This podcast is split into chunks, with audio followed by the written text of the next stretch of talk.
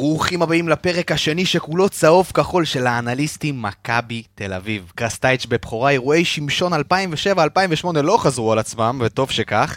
אילון מבשל פעמיים ונחמיאס מוכיח שיש לו משחק ראש מצוין. ה-4-0 נגד מרמורק אולי נתן קצת ביטחון לשחקנים, אבל בכל זאת זאת קבוצה מליגה א'. אז איך היה קנדיל? האם חוזז הוא הג'ורדי אלבה של מכבי? והאם בכלל עדן שמיר שווה הרכב? על כל השאלות האלה ננסה לענות היום בצורה הכי מכביסטית שיש. יאללה, מתחילים. שתיים, שתיים, ערן! לא יאומן מה שקורה כאן! אני כל כך עצוב לי ושמש שלם הנה ארבע שלוש!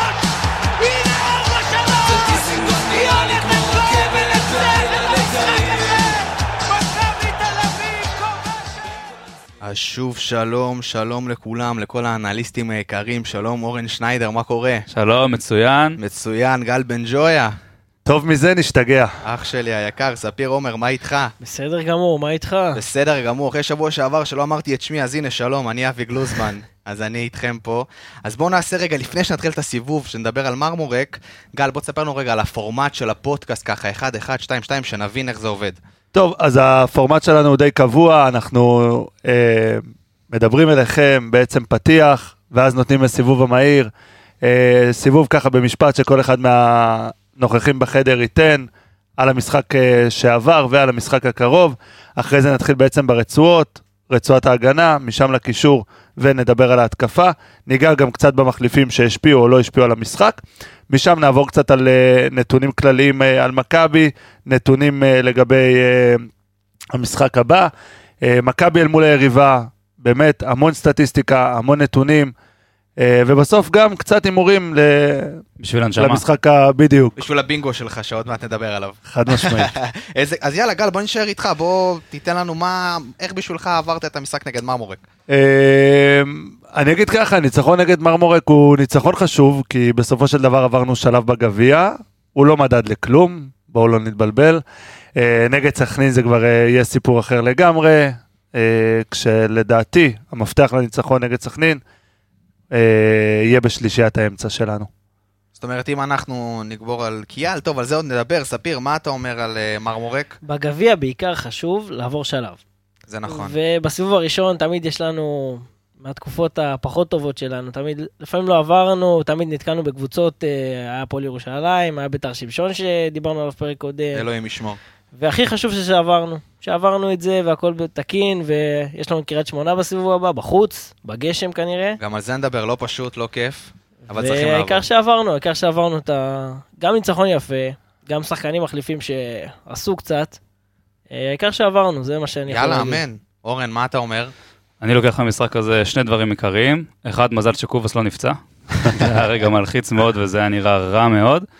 הדבר השני שאני לוקח, וחשוב, ואני מקווה מאוד שגם קרסטייץ' לוקח את זה, שאנחנו מתקשים בהנעת כדור, גם נגד קבוצת מרכז טבלה. תקן אותי, ספיר אם אני טועה, בטח יודעת מקום רביעי. מקום רביעי. מקום רביעי ליגה א'. גם נגדם אנחנו מתקשים בהנעת כדור, והם לא לחצו אותנו יותר מדי, בוא נגיד ככה, לא היה חסר למקום בין הקווים לתת את הכדורים, ולתת קדימה גם דרך האמצע, וקצת יותר מהיר, וגם דרכם, גם אצלם קשה לנו. אז אני מתחבר למה שאתם אומרים, באמת עברנו וזה מה שחשוב. אני חושב שיש הבדל ענק בין המחצית הראשונה למחצית השנייה. במחצית השנייה שיחקנו הרבה יותר טוב, גם הפקדנו יותר שערים. הם נפלו מהרגליים, זה קל. זהו, אבל עדיין, אתה יודע, בכל זאת שלושה שערים, כיף, כיף. אני נהניתי, הייתי זה נכון. בבלומפילד, היה כיף גדול. ספיר, אני מתחבר למה שאתה אומר, בסופו של דבר עברנו, וזה מה שחשוב, קריית שמונה יהיה מעניין. ובואו נתחיל לרוץ על השחקנים שפתחו ושיחקו. בוא, גל, בוא נתחיל, תראה, עומדת השוער, אה, דניאל פרץ, מה כבר יש להגיד? אין יותר מדי מה לדבר, חוץ מאיזה אה, הצלה, לא באמת קורא לה הצלה, קליטת כדור די קלה של פרץ שם אחרי מהלך אה, נהדר של אה, שחקן מרמורק. אה, היה בעיטה אחת חזקה מקרוב מאוד, שהוא עצר יפה. את זה אתה. מחשיב כ... כן, נו, בואו, זה לא עכשיו. איזה... איזה- תכלס יכל להביא כיסא, לשבת. חד משמעית, היה שם. ממש, אין יותר מדי מה לדבר, דניאל פרץ זה דניאל פרץ, הוא ימשיך להיות שוער במכבי. וזהו, נראה לי אין מה להגיד יותר מדי על השוערים. בוא נעבור לבלמים. בוא נעבור לבלמים, בוא נעבור לנחמיאס, ספיר, נחמיאס, דבר איתי. אני שמח. הילד הזה מראה שיפור ממשחק למשחק. אני עוד שהוא היה בקריית שמונה, אני רציתי שהוא ישחק אצלנו. הוא בלם טוב. אה, הוא מראה שיפור. אני מקווה שגם אה, דיברת על, ה... על התיקול שעשו לקובאס, גם הוא קיבל שם תיקול, חתיכת נכון, תיקול בגלל זה הוא בסוף יצא. המחצית, והוא יצא, אני מקווה שהוא כשיר ויהיה כשיר למשחק הבא. זה אה, הוא- כבר מחר נגד כן. סכנין, גם על זה נדבר. הוא מוכיח שהוא אלמנט חשוב במצבים נייחים, הוא הבקיע גם נגד מכבי חיפה. ב- בהתקפה. כן, מצבים נייחים, אה, כבש שער גם במשחק האחרון, עשה שם, אה, אני לא יודע אם הוא עשה את זה בכוונה, שהוא רב שם עם השחקן של, אה, של מרמורק, עם אה, אמיל אדרי, הוא דחף אותו צביטות, קצת, היה צביטות שם. וזה, ואולי זה חלק מהטקטיקה שלו במצבים נייחים. לנחמיאס יש משחק אה, ראש נהדר. זאת אומרת, חוץ מהגול אתמול, הוא ראיתי כמה שערים שלו מקריית שמונה, יצא לי אתמול לראות. תשמע, כמעט רוב השערים שלו בקריירה זה עם הוא ה- גבוה. עם הראש. הוא גבוה, אני חושב שבאמת הוא צריך לפתוח. אה, פרק קודם דיברנו על אה, מחליף ללואיס הרננדז וכמה שאנחנו לא מרוצים ממנו. יכול להיות שליד שרן יני, אגב, אה, ביום הולדת של שרן יני לפני שבוע, הוא העלה תמונה שלהם באינס- באינסטגרם ביחד. שהם נהיו חולים כולם? ש... לא, ש... מסיבת ההדבקה. הוא הריץ אותו עוד מהימים שהוא היה ילד, הוא נראה ילדון כזה, בן 14-15. אה, ראיתי שהוא ממש ילד, כן, כן. כן, כן, ראיתי. אז אולי... ראיתי. חבר'ה, עידן נחמיאס גדל במכבי תל אביב. נכון, נכון. גדל במכבי תל אביב. רגע, אז נחמיאס, אה, גל, יש לך מה להגיד על נחמיאס? ככה להוסיף למה שספיר אמר, או ש... שמע, הוא בלם מצוין. אה, מההתחלה אמרנו שהוא בהחלט צריך לפתוח שם. אמנם לא לצד הרננדז, לצד שרן. אה, אבל כן, הוא בלם מצוין, הוא מנצח במאבקי גובה. בואו. אני אפתיע אתכם קצת בהקשר הזה בנתונים. זהו, בוא אוקיי. תזרוק אותנו לנתונים. שדווקא נחמיאס, אני חושב שהדלת המאוד טובה שהוא מביא, בנפיט מאוד מאוד טוב שלו, זה בהתקפה. אה, שלושה שערים כבר העונה בקרנות במצבים נייחים. בהגנה, יש לו 63 אחוזי הצלחה במאבקי גובה. מתן בלטקסה מוביל את מכבי עם 77 אחוזים, לדעתי גם את הליגה. לדקות, ביחס לדקות, בדקות שהן לא רחוקות אחד מהשני, בואו נבדוק את המספרים, אבל שניהם שיחקו סדר גודל של 800-900 דקות לדעתי, ושוב אנחנו מדברים פה על אחוזים.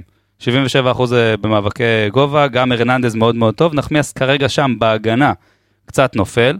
לדעתי יש לו תסמונת שהיה לבק- לבלטקסה בעונה הראשונה שהוא הגיע, שהוא קצת רעדו לו הרגליים, אתה רואה משהו על הבעת פנים, שהוא עדיין לא לגמרי שם. אני מאוד אוהב את נחמיאס, חושב שהוא שחקן מצוין, והוא נותן לפעמים הבלחות מאוד מאוד יפות. עדיין הוא לא שם, לצערי, אני לא אומר שלא צריך להריץ אותו, אחלה שחקן העניין של להריץ. נחמיאס, ליד, אה, שנחמיאס. נותן משחק אחד טוב, אז עוד שלושה משחקים, או לא פותח או... לחוץ, לא יציב, בעיניי. אז- זה, כן. זאת, זאת באמת בעיה.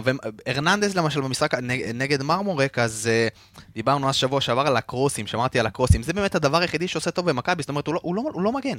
הוא לא מגן, וגם דרך מרמורק לא הייתה לו הרבה עבודה, אבל לא, לא משהו מיוחד. היו לו כמה עבירות כאלה מיותרות במרכז מגרש, אה, שחקן של מרמורק מגיע עם גב, עם גב לשער, מרכז מגרש, והוא עדיין מצליח לעשות את הפאול המיותר הזה, וגם... הרננדז עושה את זה תמיד. היה לו פה תשעה מאבקים ב-56 אחוז, שזה באופן כללי, היה לנו סדר גודל של 56-57 אחוזי הצלחה במאבקים נגד קבוצה מליגה א'.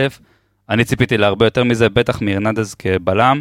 של... שלוש עבירות, שזה יותר מדי, רובם באמת באמצע, שהוא יוצא אחד מאוד מאוד מהם גבוה אפילו ספק לשחקן. צהוב שם מאחורה עם הוא ה... פשוט לא יוצא טוב לשחקנים. הוא לא עושה את זה טוב, הוא הולך לאיבוד, הוא סוגר לא טוב, גם שם ראיתי אותו כמה פעמים הולך לאיבוד והולך לשחקן הלא נכון ומכווץ את ההגנה לצד החזק, וכל הצד החלש נשאר פתוח כמו שקיבלנו מפדידה, ב, אה, כמעט קיבלנו ממנו גול שם.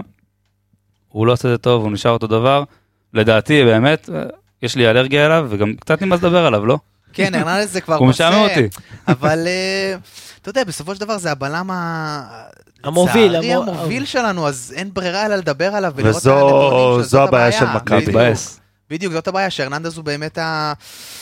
הבלם המוביל, אבל יאללה, עזבו בלמים, בואו נעבור רגע לבלטקסה שפתח, אה, אומנם בלטקסה גם בלם, כן, אבל במשחק נגד מרמורק הוא פתח אה, מגן שמאלי, ובלטקסה, משחק לא רע, עוד פעם, לא הרבה עבודה, אבל אה, אורן, מה אתה אומר על בלטקסה ששיחק נגד מרמורק? אז בלטקסה? קודם כל באמת הוא שיחק מגן שמאלי, אה, שזו העמדה החצי מקורית שלו, הוא שיחק גם חלוץ בעבר. אה, נכון, הוא. התחיל בהפועל פתח תקווה כמגן שמאלי, הוא הגיע נכון, כמגן נכון, שמאלי נכון. למכבי. בנוער לדעתי, תקופה מסוימת, אני זוכר מאיזה פודקאסט של אוזן וכזה, הוא היה חלוץ גם בשלב מסוים, אבל היה מגן שמאלי, בא למכבי, ברור שהוא אמור לתפקד יותר כבלם, הוא מגן שמאלי כי דוד זאדה וסבורית שניהם חולים, מהמסיבת הדבקה של נחמיאס ושרן כנראה. אה, יש לו אחוז גבוה מאוד של הצלחה במאבקים, הוא מוביל את מכבי, בואו נראה את המספרים שנייה מהמשחק הזה. גל, מה אתה אומר בינתיים על אה, בלטקסה, עד שאנחנו פה עוברים על נתונים? אה, תראה, הוא בסך הכל, שוב, אה, זה מין, אה, איך אני אגיד את זה, מין מגמה שיש במכבי של שחקנים, אה, שכמו שאמרת, הם נותנים משחק אחד טוב, ואז שלושה משחקים נעלמים. חוסר יציבות, חוסר יציבות אצל המון... אה, זה כל המילה שלנו, העונה. אז. זה בעיה של... אז תקשיב, אם אתה מדבר ככה, ואני מסכים איתך, אז רוב השחקנים, לא רוב השחקנים, אבל הרבה שחקנים שלנו, זה המצב. נכון, נכון, זה בדיוק המצב של מכבי, חוסר יציבות. עד שקרסטייץ' לא ייצב את הקבוצה אה, ונראה קבוצה שעומדת על המגרש, מאומנת וטובה, זה יאפיין את מכבי לאורך, לדעתי, עד סוף העונה, זה לא משהו שישתנה, לפחות לא העונה. זה בשביל זה הבאנו מאמן, אין ספק, לא הבאנו מאמן עדיין. השאלה אם בחצי שנה הוא יכול לעשות עם גם זה בחודשיים משהו. אפשר לעשות, כן, אתה- לייצב קבוצה, קבוצה סך הכל, בוא, זה שחקנים שהם ברמה גבוהה, ברמת הליגה הישראלית, בסדר, שחקנים אינטליגנטים, שאימנו אותם הרבה זמן. היה פה תקופה של שנה, שנה וחצי שאיבדנו, ורואים את ההשפעות של זה. אני בטוח שזה יחזור. הלוואי, הלוואי. נחזור רגע לבלטקסה, אני חושב שהוא סטופר הגנתי טוב מאוד, הוא מוביל את מכבי, כמו שאמרנו כבר קודם, במאבקי האוויר בגובה, גם מאבקי קרקע, באחוז אה, מסירות, הוא דווקא מהבלמים הכי חזק מבחינת אחוז מסירות, והמסירות שלו הן גם לדעתי קצת יותר טובות משל אה, ארננדס, שנותן ארוכות, אבל הוא יותר מוסר לקשרים באמצע.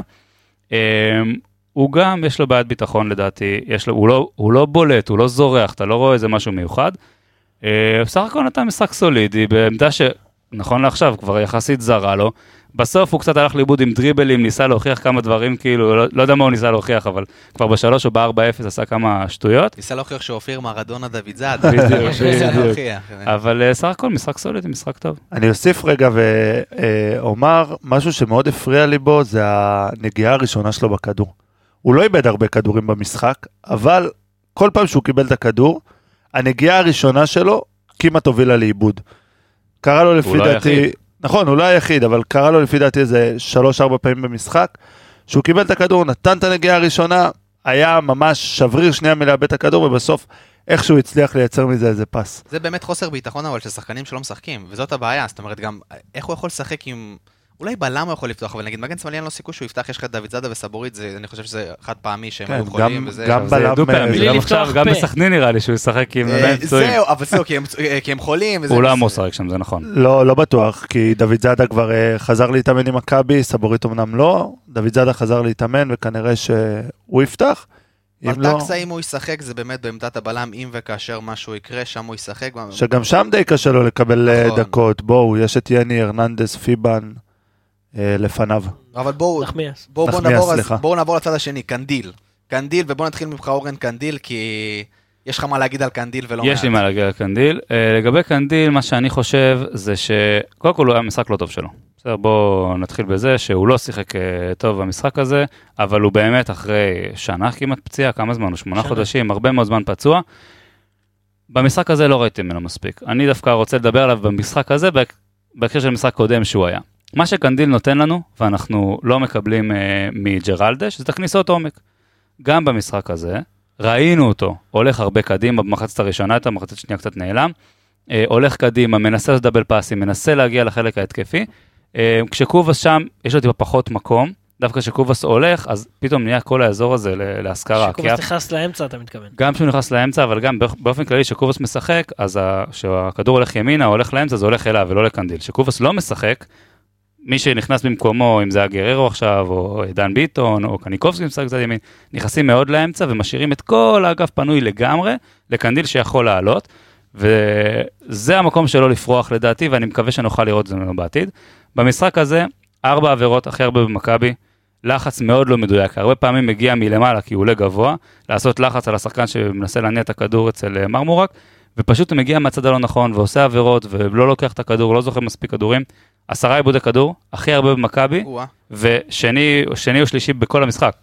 מרמורק היה להם שני שחקנים עם 11 לדעתי, או אחד עם 12, עשרה עיבודי כדור, עשרה דריבלים ב-60 אחוז, זה משהו חיובי, זה הסוג שחקן שיש לנו. אם ראיתם מחצית ראשונה, הוא מאוד ניסה להוציא את מכבי להתקפות דרך דריבל מצד ימין, שזה מעולה. בפעמים, דיברנו על זה פרק קודם, בפעמים שלוחצים אותנו, במקום עוד פעם להחזיר להרננדס, ועוד פעם לנחמיאס, ועוד פעם להרננדס, ועוד פעם זה, הוא מנסה לתת איזשהו דריבל ולהוציא באחד על אחד. ככה קבוצות דומיננטיות יוצאות להתקפה. או דרך האגפים, כי לצאת דרך האמצע זה מסוכן, או להעביר לקשר שבאמצע שמוציא את זה קדימה. לא לא הצטרף מספיק להתקפה במשחק הזה, בטח לא עשה את זה מספיק טוב, אבל מבחינת טיפוס שחקן, זה הכי טוב שיש לנו השאלה כרגע. אבל, ספיר, יש לי שאלה, השאלה אם באמת היום ב... באיך שקנדיל נראה, האם הוא יכול אה, להחליף את ג'רלדש? אני חושב שהוא צריך להסתכל על הצד השני. אוקיי. על אגף שמאל. להסתכל על דוד זאדה, איך הוא עשה את השינוי הזה, אה, למרות המלחמה על ההרכב מול סבורית, למרות שבתחילת העונה דיברו ואמרו סבורית, מה דוד זאדה צריך לעשות? ואותו דבר מדברים על קנדיל וג'רלדש. השאלה צריך- אבל אם קנדיל היום בכושר יותר טוב מג'רלדש, כושר משחק, זאת אומרת, לא, אתה יודע. התשובה היא לא, לא. אבל הוא יכול לתת, ואנחנו מכירים את קנדיל ויודעים שהוא יכול לתת מעצמו, ויודעים שהוא יכול, ושיסתכל על דוד זאדה, שפשוט ייקח השוואה, יעשה, והוא יכול לתת מעצמו. זה נכון מבחינת האופי, מבחינת סגנון משחק זה מאוד שונה. קנדיל יותר מתאים לסגנון משחק הזה של מגן שעולה גבוה ונכנס לאמצע, כמו שמשחקים בהולנד, כמו שמשחקים סיטי, ליברפול וכאלה, שהכדור באגף אחד ומכניסים כדור לאמצע למגן השני. זה מה שהוא יכול לתת, כי לדעתי לא ישמרו אותו, ושוב, החלק הימני של המשחק של מכבי, המגרש של מכבי, בהתקפה, הולך, כל המשקל הולך שמאלה, גם שקובאס משחק והולך לאמצע, ובטח שהוא לא משחק. גל, מה יש לך להגיד על קנדיל? אה, לא יותר מדי, אורן באמת אה, נגע ב- בכל הדברים. אה, הרבה פעמים במשחק הזה הרגיש לי קצת שהוא מזלזל בערבה ממולו.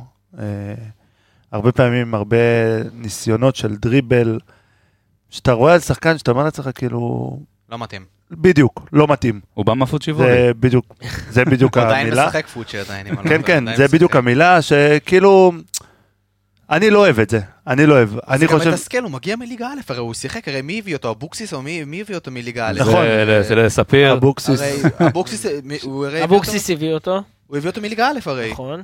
אז הוא בא, פוגש את ליגה א' מאיפה שהוא בא. ו- אפילו הוא שיחק בליגה המקצוענית של פוצ'יבולי, בקורונה פוצ'יבולי, ביחד עם אה, שלום מיכאלשווילי. ו- נכון, נכון, נכון, אח- אחלה קנדיל. קיצור, אני לא אהבתי לראות את זה, את הזלזול הזה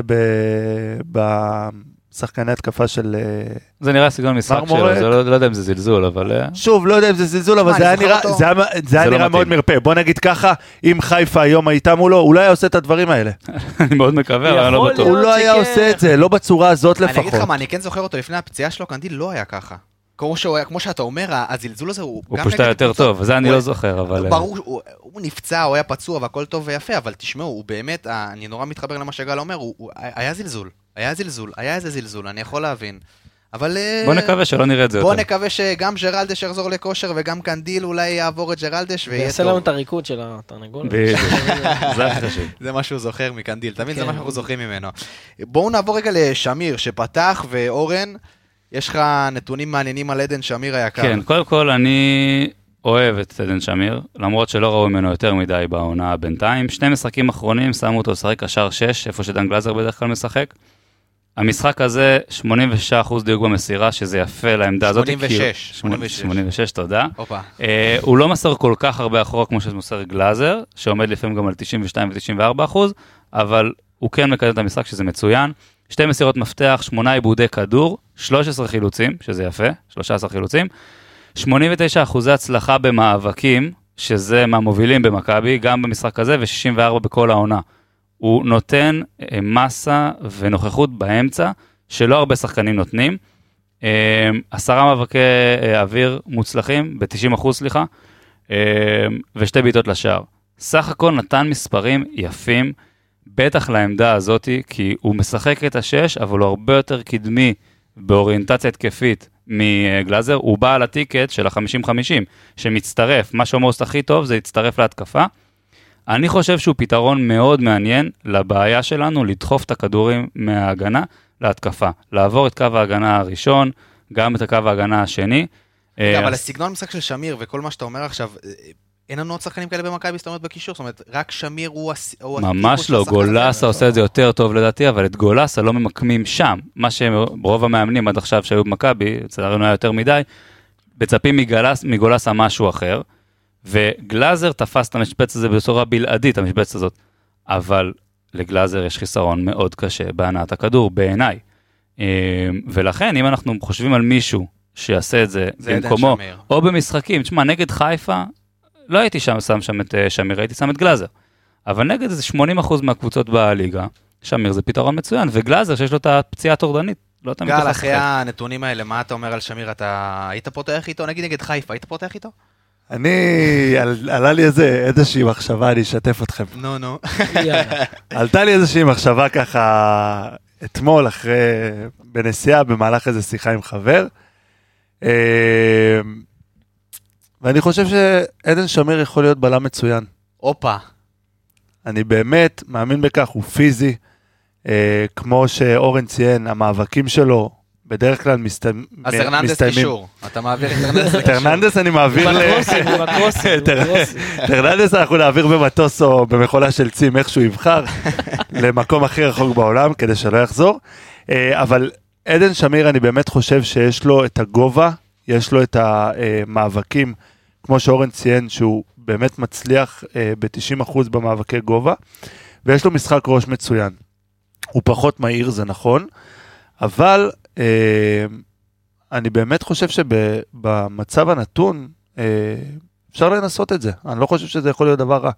המחשבה מחוץ לקופסה של להביא שחקן אחר אה, להגנה זה משהו שאני מאוד מתחבר אליו, אבל שמיר, אני לא הייתי לוקח אותו כשחקן הזה, אני חושב שהוא טוב, להוריד אותו מדרגה אחת מה-50-50 מדרגה 3 ל, אה, ל-6 זה good enough. אני הייתי הולך בג- בגישה שלך, כמו שאמרתי לכם כבר בעבר, ולוקח את ג'רלדש לשם.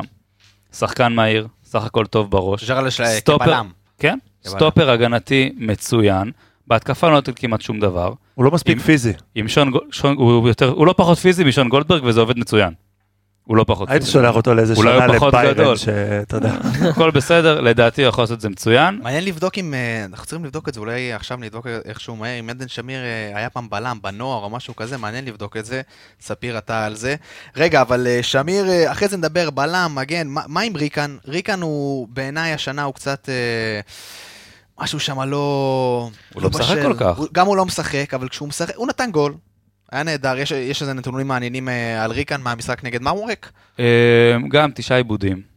תשעה עיבודים. משחק לא כל כך טוב שלו, אני לא, לא חוויתי אותו יותר מדי אה, דומיננטי במשחק הזה. רואים בשפת גוף שלו, רואים שהוא מנהיג, רואים שהוא חשוב לחדר הלבשה, היחידי לכל שמדבר הדברים. גרמנית. הנה, ספיר פה אומר לא היה בלם. מסמן שלא היה בלם. לא היה היה בלם. בלם. לא מעניין, בלם. מעניין, אבל עדן שמיר בלם, אהבתי את זה, צריכים לבדוק את זה, צריך לדבר עם אה, אז ריקן. סך הכל עם תשעה עיבודים, שלושה חילוצי כדיר, שזה לא מספיק לשחקן בעמדה שלו. 35 אחוזי הצלחה במאבקים, היה לו מאוד קשה, וזה נגד מרמורק. משחק חלש שלו לדעתי.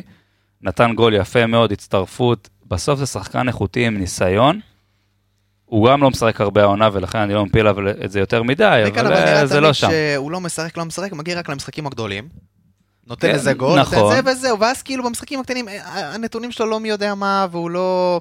קשה להתווכח עם מה שאתה אומר, זה נכון. אני לא מתלהב ממנו, אתה צודק שבסוף הניסיון שלו ואיזשהו קור רוח שיש לו, ובסוף הוא שם גול, אי אפשר להתווכח עם זה. גול יפה, אין מה להגיד. אם אנחנו בונים על. ריקן, בטח להרכב, או גם כמחליף ראשון, אנחנו בבעיה. זה- זאת בעיה. מה אתה אומר, ספיר, על אה, ריקן? אני מאוד אוהב את אבי ריקן. או, גם אני אוהב אותו, אגב, זה לא קשור. לא, כולנו אוהבים אני אותו, אבל תראה איזה. התחלה. התחלה של, אתה יודע, אופטימיות, אוקיי. אה, אני חושב שהניסיון שלו, אה, הוא דיבר על זה שבתור מחליף, הוא לא... אני חושב שבתור מחליף הוא מאוד מתאים. הניסיון שלו במשחקים לפעמים, על לתת את הדחיקות האלה והחילוצים, והחילוץ כדור הזה שהוא עושה כזה עם הידיים לקהל, זה, זה מה שאנחנו מחפשים, זה מין שכטר כזה, אתם זוכרים את שכטר? ריקן באליפות הראשונה של ליביץ', הוא היה חילוב בינגו הכי גדול שהיה במכבי, כי זאת אומרת, הוא היה נכנס ותמיד כובש, תמיד מבשל, תמיד נותן את ה... כן, אני מאוד אוהב את הריקוד. שלו. יכול להיות שכסופר... אתה חזק בריקודים היום, מי אמר על קנדיל? זה גם אתה היית? הוא, כן. ספיר היום בא בקצב הסמבה. כן. קצב סופת הכרמל, זה מה שזה. רגע, אז תמשיך עם ריקן באמת. אה, אני חושב שהוא יכול להיות חילוף, ברגעים קשים נקרא לזה ככה, בזמן דקה שאנחנו- 70-80. כן. שהוא צריך. או צריך לבזז את הזמן, או צריך ללחוץ, או צריך את הפאולים הקטנים האלה שאנחנו לוקחים את הכדור, ואז מישהו, הוא שוכב קצת. ניסיון, כן, ניסיון. את זה הניסיון שלו, ש... אנחנו צריכים את הניסיון שלו. רק בוא, בלי הדיבור המגעיל הזה על בזבוזי זמן, אנחנו מכבי תל אביב, לא. לא צריך לדבר על זה. לסחוט תראה, את בוא, הזמן. אני כן, יש לי משהו להגיד לך על זה. נגיד, איתי שכטר היקר, אוקיי? שהיה נכנס שנה שעברה בדקות אה, 75-80, היה עושה את זה בצורה פנומנלית. באמת. אבל זה דוחה, רגע, אה, זה לא את מתאים. לנו. לפעמים צריך את זה. אני לא רוצה את זה. קודם כל זה ניסיון, חבר'ה, זה שחקנים שמנוסים, שהם בליגה, הם יודעים מתי המומנטום לא איתם, הם יודעים מתי רגע ליפול, להוריד רגע את האווירה באיצטדיון, לתת אוויר להגנה. לתת אוויר להגנה. כשאתה רודף, במיוחד במשחקים גדולים, שאתה מוביל ואתה רוצה רגע להרגיע, כשההגנה שלך נמצאת בלחץ, שחקנים כמו ריקן, שחקנים כמו שכטר, שחקנים מנוסים בליגה, יודעים לעשות את זה מעולה, וריקן הוא אחד כזה. עכשיו, בהקשר של ריקן, נפרדנו מאיתן טיבי, נפרדנו מאיתי שכטר, זה לא אנחנו, זה פטריק נפרד. לא משנה, פטריק נפרד. אה, היה צריך מישהו כזה שיישאר, זה נכון? היה צריך, כן, לגמרי. היה צריך מישהו כזה שיישאר, ואני חושב שריקן נזכיר זה... לכם משחק שנה שעברה בפלייאוף העליון נגד הפועל באר שבע בבלומפיד. אוקיי. בלקמן כובש צמד, היי, בלקמן. כן. כמה היה... אני מקווה שאתה לא מתגעגע. לא קיבלנו לא, לא. אבל אתה יודע, כמה לא. אפשר היה לדבר עליו אם הוא עדיין היה במכבי, אבל בסדר, תמשיך, ספיר. לא קיבלנו עדיין פוסט פרידה ממכבי עליו עדיין. השחקן היחיד שעדיין לא קיבלנו פוסט פרידה, הוא עדיין יכול לבוא. הוא עוד במכבי, אנחנו כן. פשוט לא יודעים, הוא וניקוליץ'. מדהים אה, שנתונים הולכים למוח של ספיר למות שם, כאילו. תמשיך. אה, וריקן ושכטר נכנסו בסביבות, הובלנו 2-1, אה, הפועל באר שבע כבשו, היה בלאגן קצת, ואז ראית שהקבוצה קצת מאבדת את זה. ואז ריקן ושכטר נכנסו, ואז עשר דקות פשוט, הם הולכים, סוחטים פאול, נחים קצת, סוחטים עוד פעם פאול, ריקן מקבל את הכדור, אה, לא זוכר מי בא, נתן לו מכה קצת בגב, ואז הם- שכטר רץ ככה לקהל, מסמן להם, יאללה תתעוררו, תראו, זה ניסיון, זה, לא ניסיון בזבוזי וצריך זמן. זה, נכון. זה לא בזבוזי זמן. אף אחד שם לא בזבז אה, זמן בצורה גסה, בצורה של אה, מאור, של, אה, סליחה, של מחמוד קנדיל ב, בסכנין, שלוקח רבע שעה קרן. אבל הדקות האלה, האוויר להגנה, זה אני משהו לא שאנחנו מתווכח, צריכים. אני לא מתווכח עם היעילות. אני אומר, אני קשה לשמוע את זה, אני- אתה צודק, הכל בסדר, זה לא- לא- זה לא מקצועי זה מה לא- שאני אומר, זה זה לא- פשוט זה דיכאון. לא- רגע, בואו נעשה רגע אתנחתה קטנה, מעניין אותי סתם, מה דעתכם? בואו ניקח רגע ממש אתנחתה קצרה, הולכים לריאל מדריד, הולכים לקרוס מודריץ' קזמרו, דקה 88 מובילים על אתלטיקו. מה, הם לא עושים את זה? מה ששכטר נגד... יש את זה לא בכל העולם. לא בואו, יש את זה לא, בכל לא, העולם. רגע, זה לא נראה. ככה. רגע, בוא, זה לא אומר עכשיו לשכב על הדשא ואתה יודע, וליפול, כמו ש... בוא, הרבה זה לא פעמים... הפועל רעננה, בדיוק, הרבה פעמים זה נגד. מכבי תל אביב, כשקבוצות מגיעות ב-0-0, דקה 80, או רחמנא ליצלן 1-0 להם דקה 80, ונשכבות, אתה יודע, פתאום הכדור בכלל בהתקפה, שחקן הגנה נשכב עם הרגל למעלה. זה לא זה, מכבי לא עושה את זה, אבל כן צריך את השחקן הזה שיבוא, אה, וגם במשחקים של אה, אה, ריאל, נגד אה, אתלטיקו ונגד ברסה, כמובן לא נגד חטאפה עכשיו וגרנדה, אבל גם ב... גם ב אה, אבל משחקים... אתה אומר, אבל נגד חדרה צריך את זה. לא, אני לא אומר שצריך את זה. להפך. משחקים. על משחקים קורה- גדולים. זה קורה גם במשחקים כאלה. שנייה, אתה- עזבו, זה לא ויכוח מקצועי, אני פשוט לא יכול לשמוע את זה, אני לא יכול לקבל את זה. אני מתנצל. זה לא מכביסטי בעיניך. זה לא... אבל זה שוב, זה לא-. זה לא בזבוז זמן ברמה שאתה מכיר, כמו שאמרנו, נכון. של מישהו מרים את הרגל עכשיו ולהעיף נכון. את הזה. זה בזבוז זמן ב- ב- בתחום הלגיטימי שלו. סתם, ספיר, שאלה, חוץ כזה. שזה ניסיון, יש לנו עוד מישהו כזה ב- בקבוצה שהוא ניסיון? שהוא נטו ניסיון, אתה יודע שזה... ייני, ייני. כן, יני, ייני. בואו נשים את יני בצד, יני... זה יני. כן. ככה, יש לנו קטע במרפסת שכל מהלך טוב, המרפסת זה איפה שאנחנו יושבים בשער 11, אנחנו יושבים תמיד הכי למעלה בצד, וכל פעם שיני עושה פעולה טובה, אנחנו מסתכלים אחד על השני, זה יני. נהדר. אבל חוץ אה. מייני שהוא ייני, לא, וריקן... אין לנו מישהו כזה טל בן. חיים אולי? לא. לא. סגנון אחר. לצערי לא, סגנון אחר של שחקן, סגנון אחר גם של אופי. למרות שהוא גם מנהיג, ב- גם על המגרש וגם בחדר הלבשה. הוא מאוד משמעותי. בחדר הלבשה בעיניי המנהיג הכי גדול שהיה עד כה בשנים האחרונות זה איתי שכטר. והוא החזיק אותנו, אבל לא משנה, בואו בוא נתקדם רגע לקניקובסקי. בואו נדבר על קניקובסקי. גל, קניקובסקי נגד מרמורק. מה... מה- תגיד לי, למה, למה לא מגיעים שערים ממנו? בחייאת, למה זה לא הבעיה מגיעים? שלי זהו, איתו, הוא כאילו... אתה, אין, נגעת בדיוק בנקודה הכי, הכי נכונה לגבי השחקן הזה, כאילו אם אתה מצפה שהוא ייתן לך מספרים, ו... כאילו כל, ה, כל הקהל של מכבי באמת בציפייה של יאללה תן גול, אני בטוח שכשהוא ייתן את הגול הראשון, ייפתח לו, נגד סכנין, הלוואי. הלוואי.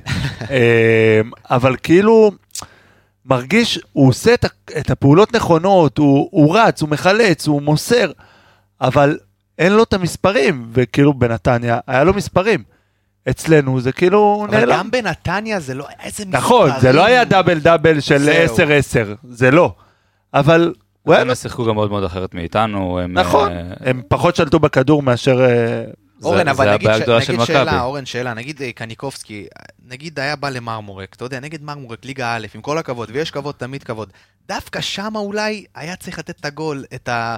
אולי את השני שערים, אולי את השלושה, כאילו, מה חסר לו? קודם כל, אני הייתי מת אם הוא עשה את הדבר הזה. הלוואי, אני לא יודע אבל מה חסר. שם? תראה, קודם? כל, אני חושב שבתמהיל של קבוצה, כל שחקן מביא משהו ספציפי. קניקובסקי, והוא שחקן מאוד קבוצתי, והוא משתלב במערכת בצורה מסוימת. הוא כן מהשחקנים בעונה הזאת, שמנסה לדחוף, מנסה לאיים על השער, אבל uh, זה לא, בדי... לא בשביל זה הוא שם, אנחנו משחקים בצורה מאוד מאוד אחרת. מאוד קשה לנו, איפה קניקובסקי טוב? מעבר, למה אנחנו כל כך מתלהבים ממנו? מתלהבים מהאינטנסיביות שלו, מהדינמיות שלו, מה... הוא כן לוקח את הכדור ועושה איזה דריבל ועושה איזה אחד על אחד, אבל הוא לא אף שחקן שלעבור טוב מתחת שלושה, ארבעה. לחלוץ. זה- זה נכון, טובה נכון. אבל השחקן שמתחת לחזות צריך לקבל כדורים, וצריך לקבל שטחים, וזה שחקן שיכול לעשות תנועות עומק ולקבל כדור לעומק, או לתת מסירות למישהו שעכשיו עושה תנועה לעומק. למכבי קשה להגיע למצבים האלה במשחק מסודר, וגם בהתקפות מעבר, שזה המקום היחיד שזה, הכדורים בדרך כלל מגיעים משחקנים אחרים, מגיע מגולסה, כי גולסה מניע את הכדור מאוד מאוד טוב, ואז הוא עושה את, המספרים, את המסירות האלה, ועשה את זה גם אה, במשחק הזה. לפעמים אנחנו הולכים מהר מאוד לאגפים, ואז קניקובסקי, אם אין מי שימסור, לא, והוא עושה הרבה תנועות עומק, לא יודע אם הוא שמתם עושה לב, המון תנועות עומק. והוא לא מקבל כדורים לשם, הוא לא מקבל, אז מה הוא יכול ואז לעשות? מה קורה? הוא מגיע לחצי, לקו החצי, כדי לקחת את הכדור, ולהתחיל משם את ההתקפה. הוא פחות אפקטיבי שם, הוא פחות יעיל שם. זה גם לא מה ש... מה ש... איפה שאנחנו רוצים אותו. נכון. אנחנו רוצים אותו קדמי יותר, אנחנו רוצים שגולס יזיז את הכדור, אנחנו רוצים ששמיר יזיז את הכדור, אנחנו זאת רוצים אומרת, שאתם שגלאזר אומרים, תיאורטית יזיז את הכדור. ה- הבעיה שהוא לא כובש, כן, במרכאות, זה שאין שחקנים שייתנו לו את הכדור במקומות הנכונים. זה בעיה אחת. קודם כל, שוב, הוא נתן חמישה שערים העונה, אמנם לא בליגה, אבל הוא נתן חמישה שערים, הוא כובש. זה לא הסתדר שזה יצא בליגה, זה יצא באירופה, אולי סוגרים אותו יותר בליגה יש טוב. לו שני בישולים, נכון? בליגה יש לו שני בישולים. אפשר לבדוק את זה. אם אפשר לבדוק את זה, אני כמעט בטוח שיש לו שני בישולים. אני זוכר. אגב, גם עכשיו במשחק הזה, אחד הבישולים הם ש- שלו. אה, תשמע, הוא נתן משחק טוב מאוד, 82 שתי אחוזי- בישולים.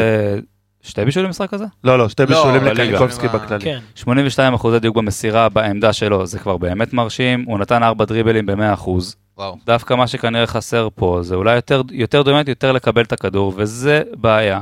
ב- גם ב distribution של הכדור, של למי נותנים את הכדור, וזה אימון, זה נטו אימון, לאן הכדורים הולכים, והם לא הולכים אולי מספיק לקניקובסקי, אולי צריך ללכת טיפה יותר, כמה פעמים הוא בעט לשער נגיד נגד מרמורק? פעמיים. פעמיים. פעמיים, שזה? לא מספיק. אולי זה הכימיה עם החלוץ. אחת? למסגרת לדעתי, אפשר לבדוק את זה. רגע, אז אולי באמת קניקוב... זה הכימיה עם. החלוץ. מה זה? כימיה עם החלוץ. כימיה עם... אה, עם פריצה, עם אוסאמה, עם מי שמשחק. אז אתה יודע מה, אז אה, בוא נעבור, בוא נעבור רגע, אז אתה יודע, בוא נעבור רגע לחלילה. בוא, בוא, בוא ככה אני חושב שחלילה יכול להיות הסולשר שלנו. הסולשר בימי אלכס פרגסון, לא. כמאמן, שלא תיפלו. אה, שלא יהיה מאמן אה, כמו סולשר. מזכירים את אה, אירופה היום הרבה, מעניין. כן, אני מקווה שהוא יבין, יעשה איזה פאזה בראש שיש את פריצה. ופריצה הרבה יותר טוב ממנו. תעשה לי לא עם הראש גל, אני קולט את זה. לא, אני עושה לו עם הראש, כי... תמשיך, אני אמשיך. כי פריצה הוא החלוץ המוביל, ופריצה, אין מה לעשות, הוא, צריך, הוא יהיה בצל של פריצה. כי הם גם והוא- אותו סגנון של שחקן. כן, ופלוס מינוס פטריק כמובן, אה, הביא לנו שני שחקנים עם אותו סגנון ובלי חלוץ מהיר. אה, אבל הוא יכול להיות המחליף, הסופר סאב הזה, שהוא צריך לעשות את הפאזה הזאת. אז מה חסר לו? פעמים מה חסר לו? חוסר אוויר כזה ב... בתור חילוף, הוא עולה גם ב... בתור... כן, אה, אתה מרגיש ככה? אני כן. מרגיש שהוא בא לעבוד האמת שאני קשה. מסתכל עליו הרבה פעמים שהוא אני מתחמם, אני לא... מסכים איתך אורן, אני מרגיש שהוא בא לעבוד קשה, אבל אני מרגיש שהוא מאבד כדור, כי הוא מאבד כדור על, על ימין ועל שמאל. הוא לא מרוכז. כן, זה, לא. משהו שם, זה נראה כאילו- ככה לפעמים אצל חלוצים בגלל שהם מקבלים מעט מאוד כדורים. הוא כמעט לא מעורב במשחק והוא מקבל את הכדור עם שני בלמים או עם בלם על הגב ובצורה לא הכי נוחה. יכול להיות שזה נובע משם. תשמע, אני לא חושב שהוא מספיק טוב. אני, היום בינתיים הוא שחקן משלים בסדר, הוא לא מתקרב הוא ללאיים על... שחקן משלים בתור חלוץ, בתור הצל של פריצה, אני בתור אגיד מספר לכם איך 2, אני- בתור... איך אני הוא מסכם נתן את גול יפה, חלילה. הוא נתן גול גם במצב זה שהוא נייח, משתלב, כי הוא ברעב אותו סוג כמו גול. פריצה, אז בגדול המשחק של מכבי לא משתנה מהותית שהוא נכנס, וזה יתרון בפני עצמו. אני אגיד לכם איך אני מסכם את אה, חלילה עד עכשיו. היה לחלילה, קודם כל חלילה נתן גול נגד מרמורק, כל הכבוד. הייתה לו איזה החמצה שמה, שהוא היה מול השוער, כבר עבר את השוער, כמעט נתן עוד פעם זה, איבד את הכדור. ככה אני מסיים, מסכם את זה חלילה גם עד עכשיו. ההחמצה עם הבעיטה שמאל אתה מדבר? כן, כן. שהוא מסר לריקן. זאת אומרת, כאילו- אבל היה לו גם בעיטה, שהוא היה לבד מול שוער. מול שוער, אה, נכון. אין זה. את התכלס. גל, מה יש לך להגיד אה, בנושא? אני אגיד את זה במשפט, חברים, לאוסאמה חלילה אין מקום במכבי תל אביב. הנה אמרתי את זה. סורי, חברים, חלוץ שהיה מספיק טוב לסכנין, סכנין. וגם בואו, הוא לא נתן שם איזו עונה מטורפת. תשעה שערים? אה, כמה שערים היה לו? תשעה? לא רע. תשעה שערים. לא, שו- ת- אבל אני- שם הסגנון משחק שונה, הם היו נכון. יוצאים למתפרצות. כל נכון, הזמן. אני אגיד לכם משהו. ההחתמה של חלילה ב... כש... כשהיא קרתה, אה, הזכירה לי מאוד את ההחתמות של חיפה בתקופה שבה מכבי שלטה. מה זה אומר? החתמות שהן... שלא יהיה של למישהו שחקנים- בדיוק, של שחקנים בינוניים, אבל העיקר לקחת. הוא לא מתאים זה יותר מכבי למכבי. תל אביב כדורסל נראה לי. לא, לא, גם- גם מכבי של השנה, לצורך העניין, היה לה המון החתמות כאלה של... העיקר שהוא לא יהיה בקבוצה הזאת, אתה יודע, כדורסל, מכבי תל אביב כדורסל, זה בול ההחתמות האלה. זה בדיוק חיפה של לפני. שנתיים ושלוש, כשמכבי ובאר שבע לקחו אליפויות, אז חיפה מאוד ניסתה. טוב, העיקר להביא, העיקר להביא אז מה ראו שחקנים. בחלילה? מה ראו בחלילה? אני לא יודע מה ראו בו, אני לא חושב שיש לו מקום במכבי, לצערי גם לא בתור מחליף. אני חושב ש... ב... אה, לכמה זמן הוא חתום? שנתיים, לדעתי. אה, לדעתי הוא חתום לשנתיים, אני לא חושב באמת שיש לו אה, מקום במכבי. בואו נתקדם לקובאס ונסיים באלמוג. יאללה. לא, אלמוג אנחנו... אלמוג, כמו שאמרנו, אנחנו נדבר עליו, בוא בוא באמת נדבר לקובאס. מה, ספיר, מה אתה אומר על קובאס במשחק הזה? חוץ מהמראה הנורא שהיה נראה כאילו הוא נפצע. אני, וואו. האמת שלא ראיתי את זה באיצטדיון, הייתי באיצטדיון, עכשיו שדיברתם על זה, לא היה ראיתי נראה את זה. רע מאוד. לא ראיתי את זה. זה היה שנייה מ... באמת, אני לא יודע. אני לא ראיתי. ישבתי כאילו לא הייתי. כהרגלי בשער שמונה לא ראיתי כלום, אבל לא... אז מה אתה אומר על קובאס? קובאס, תמיד הוא נעלם. יש משחקים שהוא פשוט נעלם, נאבד. אה, 20 27 מסירות, ב-85% דיוק במסירה, שלוש מסירות מפתח, בעיטה אחת לשער. שזה הכי מפריע. כן, הקיצוני שלנו שבועט פעם אחת לשער. אה, המון, המון דריבלים כאלה מיותרים. אה, זה מתסכל אותי, אבל שדווקא במשחק, עוד פעם, בלי לזלזל, אבל קבוצה מליגה א', דווקא במשחקים כאלה אפשר לבוא ולראות את האיכויות של השחקנים. וקובאס, שאתה אומר לי שהוא בועט פעם אחת לשער, זה וואלה... אין לי מילים, זה מבאס. זה משחק שלא. עניין אותו לדעתי. כן, זה בדיוק מה שמדברים עליו, שהבעיה פה זה זה אבל נגיד, מוטיבציה, לא נגד. חיפה, הוא בא למשחק, אבל זה, נכון, אבל זה. השחקן. הוא לא שחקן של שואו, הוא שחקן של שואו. הוא שחקן של שואו, של 30,000. משחקים גדולים, שעכשיו, הרי אני חושב שכל משחק הוא יכול לשים גול כמעט בכל מתי, כמעט מתי שהוא רוצה, הוא יכול לשים גול, או מסירה לאיזה, מסירה לגול. הבעיטה שלו מטורפת, הדריבל שלו משוגע. יש לו בעיטה מהמקום בן אדם בצורה- כזה שעושה ארבעה דריבלים נגד אה, מרמורק זה פשע.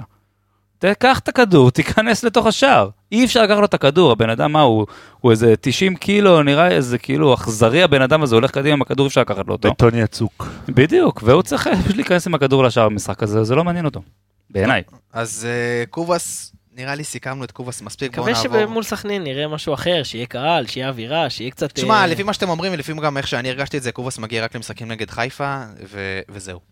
הוא נתן? חמישה שערים העונה. בקריית לא, הוא שמונה הוא נתן גם הציל אותנו. בדרבי. הוא אותנו, נכון. בדרבי הוא נתן את גם הגול. קריית שמונה, נכון. עמדנו הרי קריית שמונה, באמת, אני גם אמרתי את זה שבוע שעבר. אם הוא לא. נותן את הגול הזה בשנייה האחרונה במחצית הראשונה, זה מסבך אותנו בצורה שלא נדע, אבל זה כבר היה. בואו נעבור לאילון אלמוג. אורן, אני יודע שיש לך הרבה מה להגיד על אילון אלמוג, וגם לגל, וגם לספיר, ובואו נתחיל עם אני אתן. לכם להתחיל אה, ליפול עליו, כדי שאני אוכל להראות לכם שאתם מדברים שטויות. לפני שאתה תיפול עליו, אני אגיד דברים טובים. אני לא אפול עליו. שני בישולים משחקן שאנחנו לא מצפים ממנו, כאילו, מה זה לא מצפים? אנחנו מצפים למסור ולתת, אבל לרוב הוא לא מוסר. אה, אני אתן לאורן להמשיך עם האי דיוק במסירות. לפני שאורן ממשיך. לפני שאורן ממשיך, תנגח אותו. אני אגיד לך מה, אילון אלמוג, יש לו אה, בעיה. הוא לחוץ נורא. ראינו את זה נגד אלשקרנט. על אשכנט, סליחה. על השקרט. על אשקרט. ארמני. עד מתי, עד מתי קבוצות שלא נדע להגות את שמם. אה, בכל אופן, ראינו אותו אה, חוטף כדור בערך 25 מטר מהשער, רץ, רץ, רץ עד השער. שתי אופציות מסירה לגול בטוח, והוא בוחר לבעוט, כמובן שמחמיץ. היה לו את זה גם נגד בית"ר. לס... אני אגיד לך, לפני. שאורן ימשיך, אני רק אסכם את זה, ולפני שאתה תמשיך גל, אני אסכם את זה במילה אחת. הוא אגואיסט. אני לא חושב שהוא אגואיסט, זה העניין, אני לא חושב שהוא אגואיסט, אני חושב שיש עליו כל כך הרבה לחץ על הכתפיים, כל כך הרבה רצון להוכיח שהוא, מה, שהוא עשוי מהחומר אה, אה, שחקנים שמתאים למכבי תל אביב, יש לו כל כך הרבה על הכתפיים ואת הרצון להוכיח, מה שמוביל אצלו, וזה הבעיה שאני רואה בו, לקבלת החלטות גרועה, פשוט מאוד גרועה. איטית, מאוד איטית. מאוד איטית, מאוד גרועה ו- ולא נכונה. כשצריך למסור הוא בועט, כשצריך לבעוט הוא מוסר. הפעם ראינו שתי בישולים. אה, כמעט כל הזמן הוא בועט, לא נראה- הוא לא הרבה מוסר. אז זהו, אז הנה. עכשיו נגד מרמורק ראינו פתאום שהוא מרים את הראש, הוא נתן שם כדור לריקן. כן, גם היה כל מיני, יפה. בקרן, אם אתה זוכר, הוא כל הזמן הרימו אליו, הוא בועט כדור כן. 70 מטר, הוא לא יודע כמה טיווח זמן את זה היה. השער ללא הכרה, שישה- שש בעיטות לשער, שזה פי שלוש מהבא בתור במכבי. בדיוק, אז כאילו אני אומר לעצמי, הוא כל כך רוצה לשים את הגול, ובגלל זה זה לא בא לו. נכון, אבל זה לא דבר כל אורן, כך רע כמה פעמים הוא בעיניי. בעט, לפני שאתה... שש. כמה פעמים- שש בעיטות לשער. למסגרת? אה, לדעתי אחת. אחת. אמ, באסה. אני אגיד לכם, בואו נלך שנייה מהגדול. קודם כל, הסתכלתי על כל השחקני התקפה של מכבי תל אביב, הזדמנויות, כמה הזדמנויות, כל כמה דקות יש להם הזדמנות אה, ל... לעשות גול. אז קודם כל, הכי גרוע זה חלילה, עם הזדמנות כל 100 דקות, על הפנים. טבח כל 67 דקות, חוזז כל 75 דקות, קובאס כל 70 דקות, שהוא חייב להם הרבה יותר. עכשיו אנחנו מתקרבים למקומות הטיפה יותר טובים. פריצה עם אה, הזדמנות כל 45 דקות, ואלמוג עם הזדמנות כל 33 דקות. זה שחקן שמאיים הרבה על השער, זה דבר מאוד מאוד חיובי. שאלה יש לאן הולך. הכדור. לא, שנייה, כל- לא, כל גם המספרים שלו לא, לא כאלה גרועים, אה, וזה נכון, יש לו בעיה בקבלת החלטות, והוא שחקן בן 22 שצריך הרבה עבודה. הוא לא מוכן, הוא עדיין לא בשל, אבל אנחנו צריכים לפתח אותו. במשחק הזה, שהיה לו לדעתי 10, 12, 15 דקות טובות מאוד, והרבה דקות שזה נראה כאילו כל הזמן מאבד כדורים וכל הזמן בועט לשמיים, אבל בסוף במספרים מסתכלים על זה טיפה יותר. 33 מסירות ב-94 שזה מרשים, והכל קדימה, זה לא מסירות אחורה. שני בישולים. סך הכל שישה עיבודי כדור, שזה לא כזה נורא, בטח לא לשחקן התקפה שמנסה לייצר. ארבעה חילוצי כדור, כולם בחצי שלהם, שזה מאוד טוב וזה בדיוק מה שמכבי צריכים. דיברנו אה, קודם על זה שקבוצה גדולה שלא יכולה, שלא טובה בלהחזיק את הכדור, חייבת לפחות לעשות לחץ גבוה טוב. הוא עושה את זה טוב. הוא גונב הרבה כדורים. יכול להיות שאחרי זה הוא לא מסיים את זה מספיק טוב כמו ההזדמנות שהוא לקח את הכדור, רץ ולא מסר ויכל לסיים את זה, זה יכול להיגמר בגול, אבל הוא מביא אותנו למקומות האלה. אה, היה לו שישה דריבלים ב-50 אחוז, זה גם לא רע בכלל. אה, וסליחה, אף, אף אחד מהביטות שלו לא הייתה מסגרת, שזה נכון, אפס. נכון שזה בעיה, אבל אתה רואה אותו, מתוך השש, זה על הפנים, שש מצבים. זה על הפנים, אבל שישה. בגישה זה חיובי, במחשבה זה חיובי. יש פה מה לשפר, אני חושב, אני גם נגד הדיבור, ולא ניכנס לזה עכשיו יותר מדי, אבל של ההשאלות צריך לשפר אותו במכבי. הוא בן 22, תנו לו עכשיו שנה לרוץ הרבה, תעבדו איתו עם מאמן אישי, עם אה, מאמן מנטלי, עם השאלה אה, אם מה זה לא שצריך. מאוחר. כי אני אגיד- 22? כי אני אגיד לך מה, אני בדיוק דיברתי על זה השבוע פה, ב- דרך אגב, אצל רפאל קבסה ב- במכללה, Mm. דיברנו על שחקנים צעירים. ובאירופה, אתה רואה חבר'ה בני 17-18 כבר משחקים, ומובילים. קבוצה. ברצלונה, היום ברצלונה, נכון. גבי, אבל ניקו, אילון ברצלונה. אלמוג, בארץ זה ילד, בחו"ל זה כבר שחקן מוביל. כן, אבל אנחנו, השאלה- קניקובסקי בן 26. בסדר, ועכשיו הגיע למכבי תל אביב, אז יש לו ארבע שנים ללהיות קניקובסקי, כאילו הכל בסדר. זה בעיה שיש פה בארץ. בארץ לא יודעים לקדם שחקנים אה, בגילאים אה, 17 ו-18, אתה תראה פה מעט מאוד. אה, ונכון, זה, אתה צודק, כאילו אם אנחנו רוצים להתפתח גם מבחינה, אה, מבחינת הכדורגל הישראלי, צריך לתת לכישרונות כמו אה, אה, אלמוג, או כמו, בואו ניקח את היום זה היום, אוסקר גלוך. אוסקר גלוך, רונן נהדר. חנציס, כן. אה, שהם אה, בני 18 ו-19. מסכים ב-100%, לשחק. אבל שוב, שחקן בן 22, אין בעיה להריץ אותו, אתה יכול להרוויח אותו, שוב, הוא יכול לצאת לאירופה עוד שנתיים-שלוש בסכום גבוה מאוד, גם בגיל 24-5 זה עוד סביר, זה הזדמנות אחרונה. ברור שעדיף לקחת ילד בן 17 ולקדם אותו, כרגע יש לך ילד בן 22. שמע, בואו לא נשכח, לפני שנה, חוגג רצה לתת עליו מיליון. מיליון וחצי יורו וחצי. על 50% מהכרטיס. אני נגד זה, אני חושב שאנחנו יותר צריכים אותו כשחקן שלנו. הפרצוף לא. שלך אומר הכל, גל, זה פספוס אחד גדול, אתה אומר. כן, כי אתה מבין, היית עושה את זה. לך תדע אם היה מגיע כסף.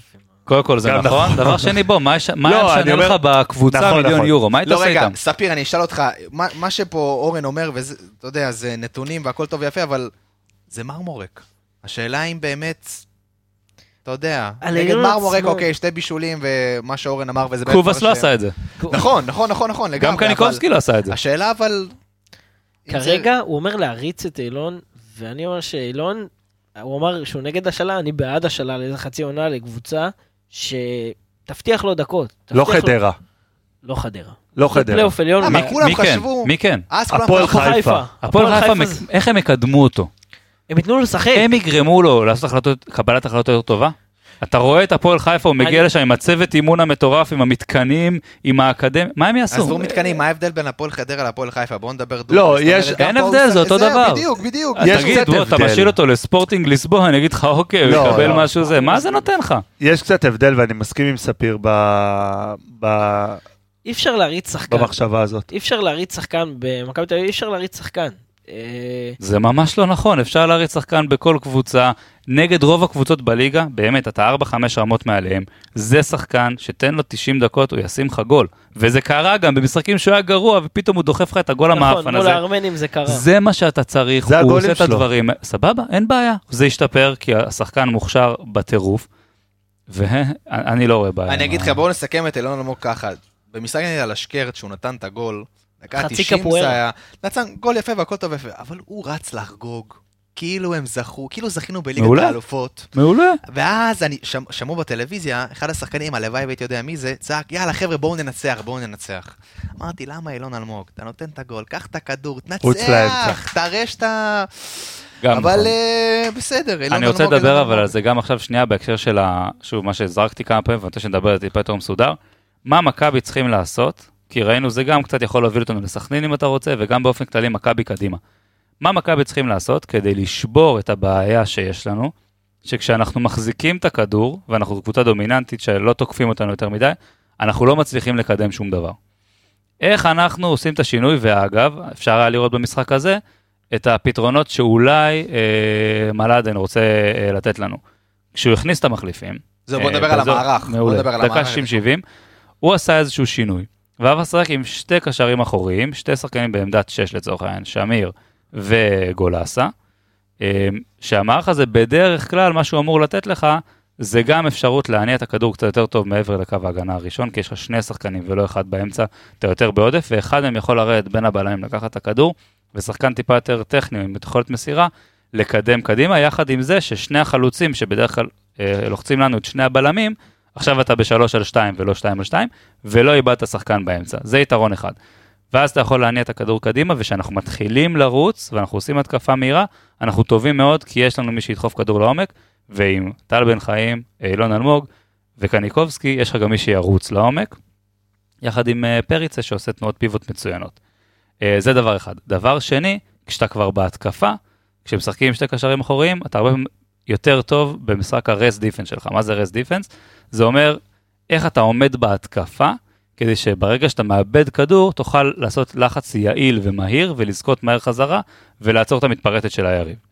אז עכשיו ששמיר וגולס שיחקו ככה, ראית כל הזמן את אחד מהם הולך אחורה כשהשני הולך קדימה, ועומד בעמדה אחורית מאחורי הכדור, לעצור מתפרצות שלהם, וזה יכול להיות טקטיקה שקרסטייץ' רוצה להפעיל במכבי ולראות איך זה עובד באיזשהו ניסוי כלים כזה. אני עכשיו, חוש- כן. אני חושב שזה אחד הבעיות הכי גדולות של מכבי היום, שהיא באמת מקום שני בהחזקת ליגה, אה, בהחזקת כדור. כדור בליגה, עם אה, 57.54, שנייה רק למכבי חיפה, ובכל זאת הקבוצה הזאת ספגה 18 שערים כאילו, ב-13 משחקים. זה אה, בעיה שונה, אבל זה בעיה של, וצריך לדבר על רגע, הבעיה שלנו אני בהגנה. אומר, לא, להפך, דווקא אני רוצה לקשר את זה לזה, כי בסופו של דבר, שיחקת עם 6-1 עד עכשיו. ואם, ורוב הגולים שקיבלת היו בהתקפות מעבר, מתפרצות ולא מכדורגל מסודר. זאת אומרת, קבוצות באו, נתנו לך לשלוט בכדור, שלטת, שלטת, התקפות נעת, מעבר, בדיוק, אתה עם קו הנעת, הגנה גבוה שלא סוגר אותו. בדיוק, הפ- הפסדת כדור, טאק, מתפרצת, קיבלת גול. ואני חושב שבאמת, כמו שאתה אומר, ומה שמלאדה ניסה אה, לבדוק, זה השתי קשרים אחוריים. שזה, אני חושב שקודם כל יצ- יצליח לייצב לך את ההגנה, אה, אולי לספוג פחות, והשערים יבואו, כמו שאתה אומר, עם אילון אלמוג, טבח, פריצה, שהם אני לא יודע אם שחקנים, זה אה, ייצב את ההגנה, אבל זה, זה לא עניין של לייצב את ההגנה, כי לייצב את ההגנה זה עניין של התיאום בין בלמים וסגירה נכונה אבל ודברים שוב, כאלה. ברגע שיש לך הם עוד אחד... יתמכו בהגנה. בדיוק, נכון? הם יתמכו בהגנה, כי ברגע שקבוצות יצאו לך נגדך למתפרצת, השש שלך לא יהיה בחצי, הוא יהיה יותר קרוב עכשיו, להגנה. גם למה זה כל כך מושלם למכבי? בגלל שלמכבי בכנפיים אין שחקנים שכמו באי ותקופת איביץ' ירדו להגנה או שהוא יעיף אותם החוצה, אין לך את מי להכניס במקומם וגם מי שתכניס לרוץ אחורה. אין לך את השחקנים האלה ולכן אתה יכול, אתה צריך יותר לבנות על הקשרים האחוריים שיתמכו בהגנה ומשחק הגנה יהיה יותר משם, כי קובאס לא יעשה את זה. גם שהוא עושה כאילו רץ אחורה, זה לא עכשיו שחקן שיורד לך עם המגן כל המשחק, וגם טל בן חיים, ראינו אותו כבר כמה משחקים, עוזב את השחקן שלו בחמישה, עשרה מטרים האחרונים, ואנחנו נדפקים, ואילון אלמוג, שיכול להיות יעשה את זה יותר טוב מטל בן חיים, פה הוא קצת שאלה, אבל הוא מספיק מהיר, מספיק צעיר ומספיק בלי אגו, כדי שוב להתלבש בעיניי פיקס על הסגנון משחק הזה ועל הסוג מערך. אז זה באמת היה הניסיון כלים הראשון של אה, קרסטייץ', ובואו נקווה שיצא מזה משהו בעתיד, ובואו נדבר על סכנין של מחר. בואו, מה- מה שרציתי להגיד שבואו נקווה שאנחנו ננצח את סכנין מחר, אבל מחר אנחנו נגד סכנין בבלומפילד אחרי אה, שהפסדנו 1-3 בדוחה, ומה אתה אומר, ספיר, שיהיה מחר? אה, כי אני אגיד לך עוד פעם, לפני שאתה תגיד לי, אני אמרתי את זה גם שבוע שעבר, בירם קיאל, לדעתי, הכל תלוי... כל השלישיית קישור הזאת היא מאוד טובה, אני... זה ביג קיאל, כמו שאמרת, זה קאבה? קאבה ו... גנאים. וגנאים. ובעיניי גם החלוץ גיא מלמד זה משהו שצריך מאוד. להיזהר זה ממנו. פספוס אחלה שלנו. דרך אגב, לדעתי. הוא יכל להיות במקום אה, חלילה חבל. וגל הוא. יכול להיות, כן. נכון. אגב, גם אלון תורג'מן, אבל בסדר. זה קל לא להגיד. פנוי. אה? שוב, לא, אתם נותנים שחקנים שבאמת, אני, אני, זה מעצבן אותי. אני מסכים איתך, מה שחיפה אתם היו לא- עושים, מה שהם בדיוק, כן. אתם נותנים? שחקנים גיא שהם- מלמד היה בסקוטלנד, ונתן עונה מצוינת. אז מה שהוא היה בסקוטלנד? שיהיה ב- באנגליה, הוא היה בסקוטלנד, נתן עונה מצוינת, הוא עדיין לא שחקן שמתאים למכבי כשאתה תל יוצא אביב. מישראל, אתה לומד לשחק כדורגל. הוא לא מתאים, זה שחקנים שהם מאוד- בינוניים. אתה תראה את התנועה שלו לפני- ללא כדור. לא, איזה בוא, בוא, רגע, רגע, בואו- שכטר, מי אני ישמע? מסכים מה שאתה אומר, גל, על זה עוד נדבר, אבל בואו רגע נתרכז ב- ב- סכנין. בסכנין של מחר, בדיוק, מחר. תפסיקו לריב. ההפך, תמשיכו. אם כן, אבי המבוגר. האחראי, איפה אנחנו? אלוהים ישמור. אני המבוגר האחראי, כן. אורן, מה אתה אומר על מחר? במה אנחנו תלויים? האם אנחנו תלויים בעצמנו או שאנחנו תלויים ספיר בקיאל? אה, התחיל מאוד נכון. קודם כל, חד- קודם כל אנחנו תלויים בעצמנו. לא מוכן לשמוע שום דבר אחר. זה אה, מכביסט אמיתי. בדיוק, לא, אני מסכים אבל אה, אנחנו. קבוצה יותר טובה, יותר איכותית. האמצע שלהם מאוד מפחיד, הם קבוצה אינטנסיבית, הם קבוצה טובה, הם קבוצה מסוכנת. אגרסיבית, הם קבוצה אגרסיבית אגרסיבית. מאוד, ואנחנו, כמו שראית נגד מרמורה, קשה לנו. שם זה יהיה, באמת, אם מכבי יגיעו עם האינטנסיביות ועם הרצון מוטיבציה שהגענו לחיפה, שניצחנו שם 81% מה, מהמאבקים לקחנו נגד חיפה. אז וזה נגד אה, עלי מוחמד ואבו פאני ושחקנים שהם לא פחות טובים בהרבה מ... פאני לא היה פצוע, אבו פאני היה פצוע, אני חושב. אז אה, יש- להם שלישה, רודריגז, או לא משנה מי שיחק שם, הם מאוד מאוד מאוד חזקים. אה, אם אנחנו נבוא באינטנסיביות כזאתי, לדעתי אין שאלה שהמשחק שלנו, עד כדי החמצות מול השער. אה, במשחק אה, הקודם, בסיבוב הקודם בעצם, אה, בא עם תוכנית משחק של ללחוץ את מכבי כבר בחצי שלה. זאת אומרת, אה, אין אה, להניע כדור שמה. זה יהיה מעניין מאוד לראות איך מכבי תתמודד עם זה, כי כמו שראינו עד עכשיו, מכבי לא כל כך יודעת להתמודד עם לחץ גבוה. אה, ואני אחזק... אבל זה גם מסוכן להם, כי אנחנו, אם יעשו את הלחץ לא מספיק טוב, מה שמסוכן זה שקבוצות עושות עמידה גבוהה מולנו ולא לחץ גבוה. סתם נכון. עומדים גבוה, מראים איזשהו לחץ ואז אנחנו יוצאים. אם הם ילחצו זה בעיה. ברגע שהם יתעייפו, וזה קורה להרבה קבוצות, למרות שסכנין קבוצה אינטנסיבית ולא כן, הבעיה- בטוח יתעייפו, אז אנחנו יש פורצים. להם כלים גם מהספסל. אני חושב שהבעיה שאם הם כובשים. אם הם כובשים ראשונים, בדיוק, אז אתה. נכנס לבעיה, כי אם הם עושים לך את הלחץ בואנה גל, הגבוה... אני קורא אותך, אני שם לב. אני שם לב, הוא בא להגיד, אני ישר... אם, הם יעשו את הלחץ הגבוה ויכבשו גול, אז אתה תראה באמת מה זה בזבוזי זמן. נכון, הופה, נכון, וואו, יפה. וואו, קנדיל, במשחק בזבוזי בדוחה, זמן ולא וואו, ניסיון. קנדיל עשה. שם, תשמעו, בואו נקרא, אנחנו אופטימיים לגבי מחר, אין מה להגיד. בואו רגע, אנחנו לקראת. סיום כבר, בואו נלך על אה, הימורים. ולפני שנלך על הימורים, אני אגיד, אה, אני אברך את גל. אני הולך תנו לי את זה, גל. חבר'ה, תנו לי. בינגו, כל גל. הכבוד. שבוע שעבר אמר 4-0 על מרמורק, זה הוקלט, זה בספוטיפיי. כל מי שלא מאמין שילך ויאזין לפרק הראשון, אז בינגו, בינגו לגל. בואו נאמר, גם הימרנו דרך אגב בפרק הקודם על סכנין, אבל בואו נשים את זה רגע בצד. בוא עכשיו... ההימורים מתחילים עכשיו, נזרום זהו, איתו. בוא עכשיו נתחיל להמר על סכנין. יש לך בינגו, יש לך שלוש נקודות. אני רושם את זה פה במחברת היפה שלי. תודה רבה. זה שלך. ספיר, בוא נתחיל. מחר, בלומפילד, מכבי תל אביב, מארחת את בני סכנין. תן לי תוצאה. 2-1 לנו. 2-1.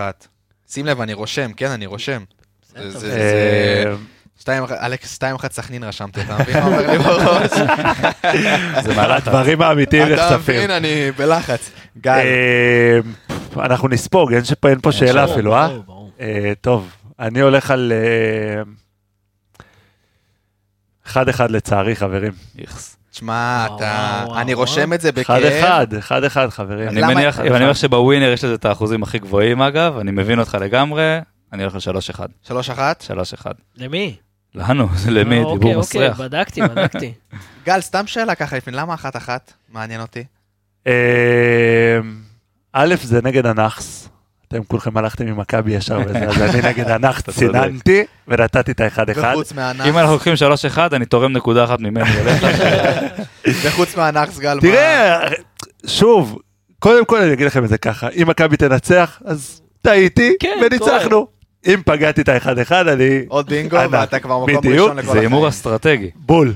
כן, יש הנה, פה אסטרטגיה, אורן תפס. אותי. אבי, מה אתה אומר? אני- חושב ש... אני אפתיע אתכם, אנחנו לא נספוג מחר. אני אופטימי ואני מכביסט היום בטירוף עם סופת הכרמל, ככה נתנה בי את המכביזם.